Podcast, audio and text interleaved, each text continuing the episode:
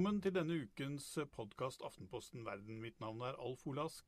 I dag skal vi snakke om en person som på kort tid er blitt en av Europas mektigste, nemlig Tyrkias president Recep Tayyip Erdogan. Eh, han liker ikke journalister, noe Aftenpostens Midtøsten-korrespondent Silje Rønning Kampsæter fikk merke da hennes visum gikk ut. Hun er med oss eh, nå fra Libanon, og her i studio har jeg selskap av eh, kollega Kristina Platten. Vi spør eh, hvem er denne president Erdogan, og hva er ambisjonene hans? Og Kristine, kan du starte med å fortelle litt, hva er bakgrunnen til denne mannen som nå preger europeisk politikk? Eh, ja, eh, Erdogan vokste opp i Istanbul, i et ganske fattigslig strøk. Faren jobbet i havnevesenet, vel. Men han utmerket seg ifølge venner og familie allerede veldig tidlig som en ekstremt ambisiøs fyr. Og ble etter hvert borgermester i Istanbul. Og var med å danne dette partiet, som tok makten i 2002, var det vel. Da var han Eh, og, det er et slags islamistisk parti. De tonet veldig ned denne eh, religiøse profilen sin da, eh, med en gang de kom til makten. Um, og da var han statsminister, og, og, var statsminister i så mange perioder vel som han egentlig kunne sitte. Uh, som vel er tre, hvis jeg ikke tar feil. Ja, han satt iallfall maks perioden. Han satt det var maks det han kunne. Og så uh, ble han da valgt til president. Han har jo ja, han er utdannet økonom og studerte mm. administrasjon. Han var en veldig uh, ambisiøs eh, student. Men i tillegg til det så har han jo vært profesjonell fotballspiller.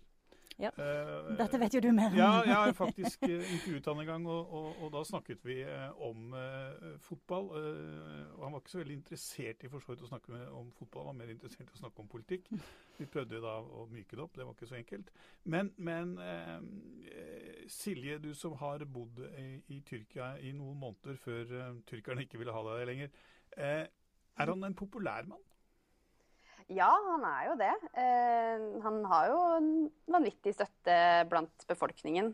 Noe valgene også viser. Og han har jo fått eh, Han fikk jo eh, Han får jo en stor del av stemmene blant befolkningen. Eh, både Han har fått det når han stilte som, som, statsminister, eller når han ble statsminister, og når han stilte som president, da.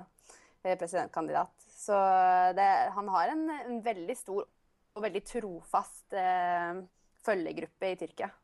Han er vel en veldig polariserende type som, eh, som også har ganske mange, mange fiender eller motstandere, motstandere, kjenner det, Silje. Altså han, han, har en, en, en mye støtte bl.a. på landsbygden og i mer rurale strøk, mens jeg tror han mm. sliter mm. mer i, i, urbane deler av landet.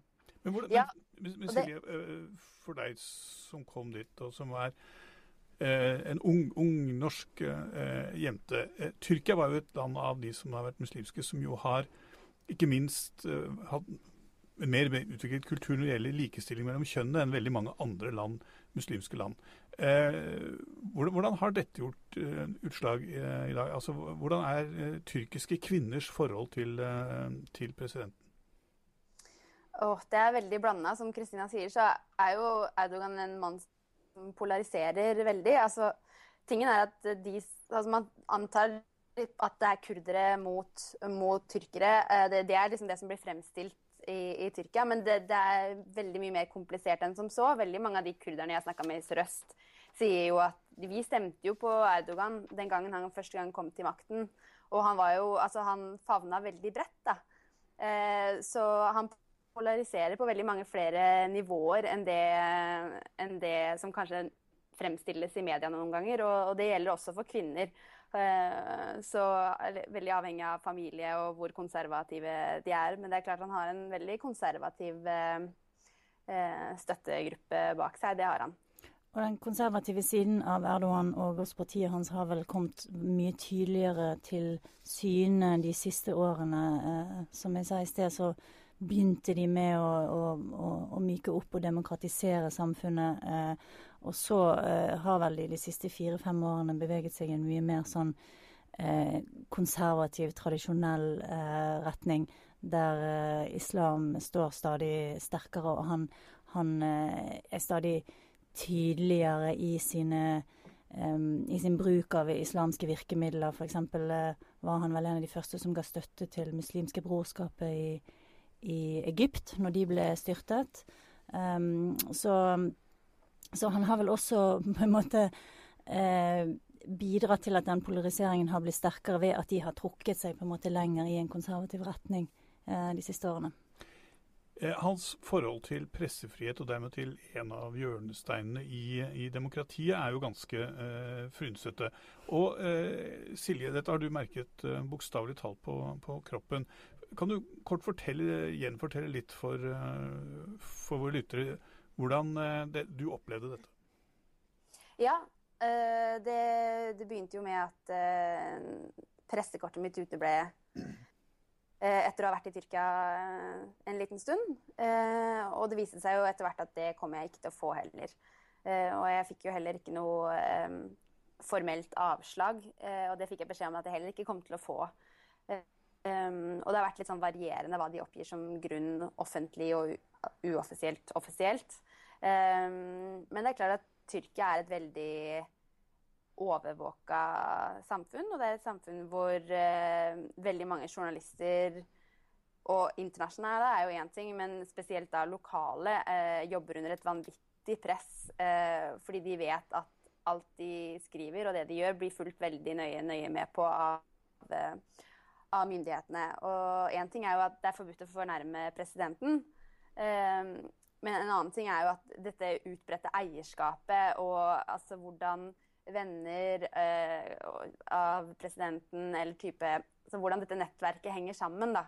Sånn at uh, selv om du ikke har skrevet, skrevet, noe som har fornærmet presidenten, så hvis du har skrevet noe som likevel kanskje kan gjøre at uh, han blir misfornøyd, så kan redaktøren kanskje forvente å få en telefon, og som igjen da må gå til journalisten og, og legge press på journalisten. Så de ja, men det mildeste er, det mildeste er hvis de legger press på journalister. Her er det jo folk som både får sparken, blir trakassert. Eh, så det er vel eh, hakket Havner i fengsel. Havner i fengsel. Det er vel ja, hakket verre enn bare, bare at uh, noen, av, noen av, hver av oss har jo opplevd at redaktøren har fått en telefon uten at Vi har ikke kommet i fengsel av den grunn, for å si det sånn. Ja, ja. Nei, absolutt. Og det har, dette har jo bare blitt altså, det har blitt verre uh, og verre. Og vi ser jo at stadig flere aviser får uh, eh, såkalte forstandere som tar over eh, avisene, sånn, mm. sånn, som Today Saman, som ble et tydelig eksempel på det. Og jeg snakket med en av de journalistene som jobbet i den engelske varianten av Today Saman, og, og hun beholdt jobben i en uke etterpå, men hun var veldig eh, ivrig på Twitter og tvitra om alt disse forstanderne gjorde, og hva de sa. Eh, hvordan de kontrollerte avisen, hvordan de bestemte hva slags bilder som skulle på, hva som var for kritiske bilder osv. Så, og så etter en uke så, så, fikk hun sparken.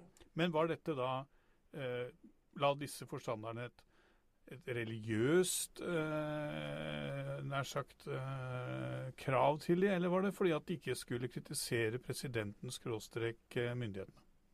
Det var jo altså på Twitter f.eks. Eh, dagen etter den første som kom da, til det eksamen etter at, eh, at forstanderen hadde tatt over avisen, Eh, så var det veldig mange som reagerte på, i sosiale medier generelt sett og påpekte at det var nesten skremmende. Det så ut som en zombie sa de, hadde gjenoppstått. Fordi eh, en så kritisk avis plutselig fra den ene dagen til den andre eh, gjenoppsto som en sånn veldig sånn pro-regjeringsavis.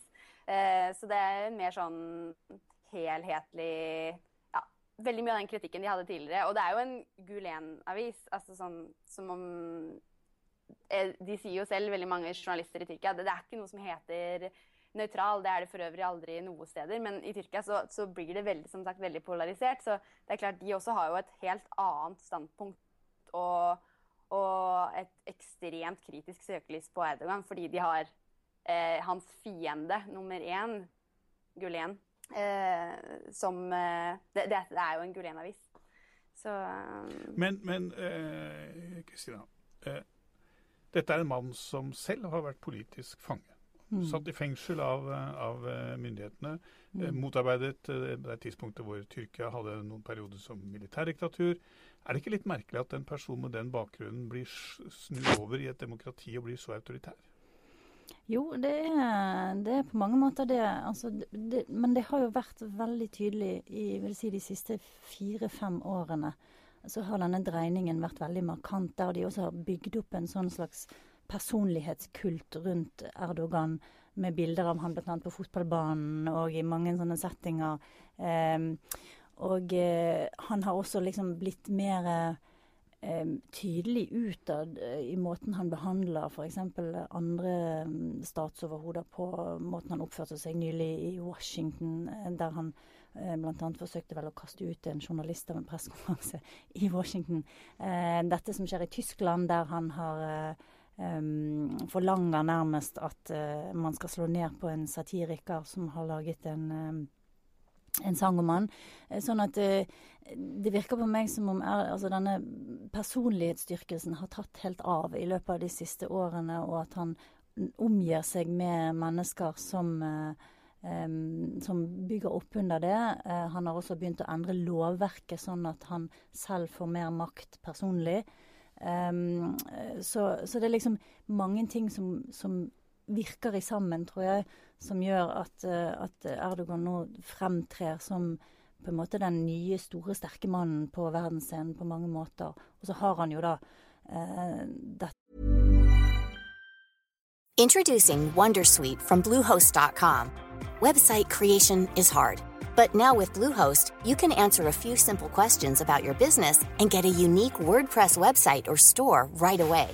From there, you can customize your design, colors, and content. And Bluehost automatically helps you get found in search engines like Google and Bing.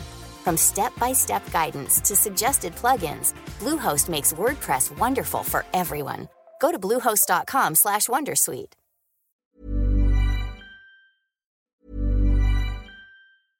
Introducing Wondersuite from Bluehost.com. Website creation is hard, but now with Bluehost, you can answer a few simple questions about your business and get a unique WordPress website or store right away. From there, you can customize your design, colors, and content. And Bluehost automatically helps you get found in search engines like Google and Bing. From step-by-step guidance to suggested plugins, Bluehost makes WordPress wonderful for everyone. Go to bluehost.com/wondersuite. enorme pressmiddelet med mm, flyktningekrisen, ikke sant, som gjør at han er liksom eh, eh, ballets dronning, for å si det sånn, uansett om han vil eller ikke. Men eh, i november 2005, sen kveld i Luxembourg, eh, under eh, det britiske EU-formannskapet, så åpnet man for at eh, Tyrkia skulle få bli medlem av EU. Man mm. åpnet forhandlingene. Eh, rett nok under mye tvil, ikke minst fra franskmenn og østerrikere. Og Kypros. Men, hva? Og Kypros. Og Kypros, ikke minst. Det er riktig, men jeg tror kanskje de to andre landene ja. var viktige i den sammenhengen. Eh, og det var enorm eh, optimisme. Jeg var til stede den, eh, der den kvelden, og jeg mm. fulgte dette som korrespondent i, i, i, eh, i Brussel. Hva gikk feil? Nei, altså De begynte jo en slags oppmykning, da.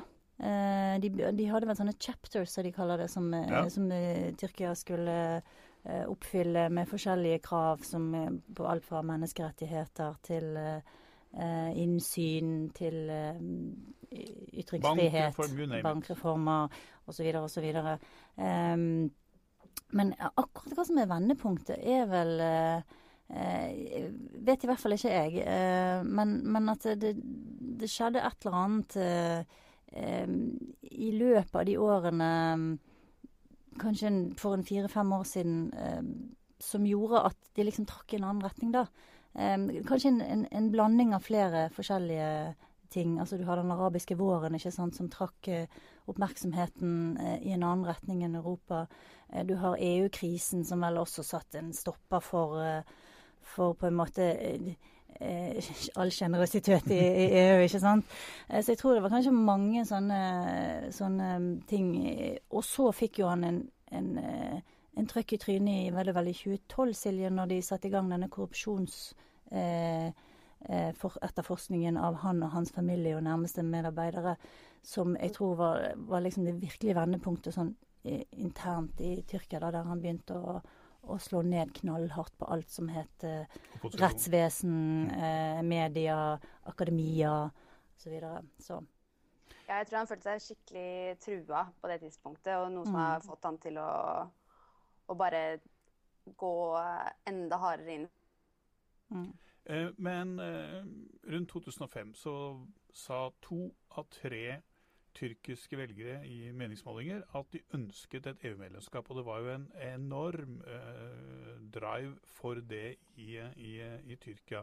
I, den, eh, I debatten i Tyrkia nå, er det slik at man føler et eh, slags folkelig press for at eh, man skal sluttføre disse forhandlingene, og at uh, tyrkerne skal uh, bli medlem av EU. Føler, føler du når du labbet rundt i gatene her at det var et entusiasme for det? Vet du, Jeg følte ikke sånn veldig mye på det. Det jeg føler, er at det, det, det står mye på spill.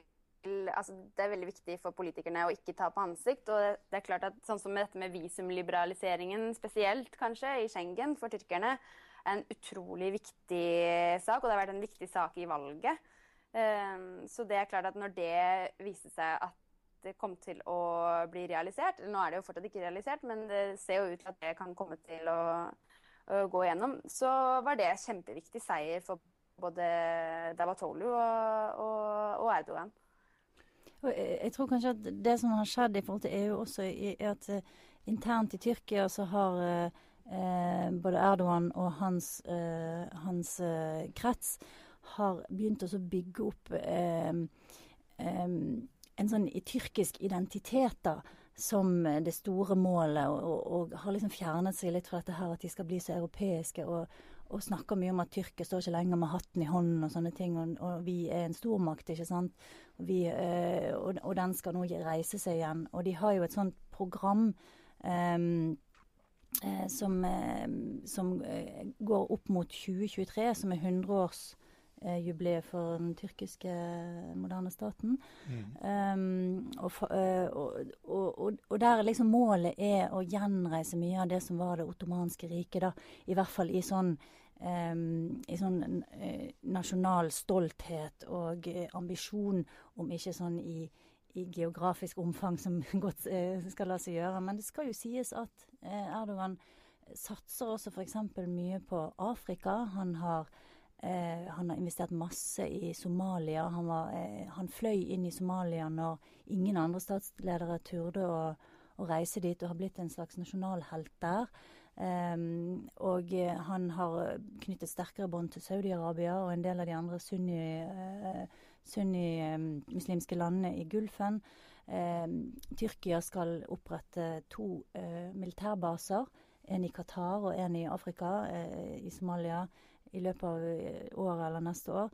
Sånn at han, han, hans ambisjoner tror jeg strekker seg eh, i andre retninger og på en annen måte enn de kanskje gjorde i 2005, med dette her at Tyrkia bare skulle bli en sånn eh, litt sånn eh, hatten i hånden, eh, vedheng til EU. ikke sant? Jeg tror at eh, ambisjon, ambisjonene har endret seg veldig siden den gangen. Og Så er det kommet et forhold til, og det er jo at minst to av EUs medlemsland, nemlig Frankrike og Østerrike, har sagt at de kommer til å ha folkeavstemning om, deres, eh, om mm. det tyrkiske medlemskap. Mm. Og med den nederlandske folkeavstemningen hvor de stemte ned avtalen med mm. Ukraina frist i minne, så kunne, kan man jo risikere å komme i en situasjon hvor dette landet med denne gigantiske befolkningen faktisk da får døra i ansiktet av, av, av, EU hvis et av landene skulle si nei til å ratifisere medlemstraktat.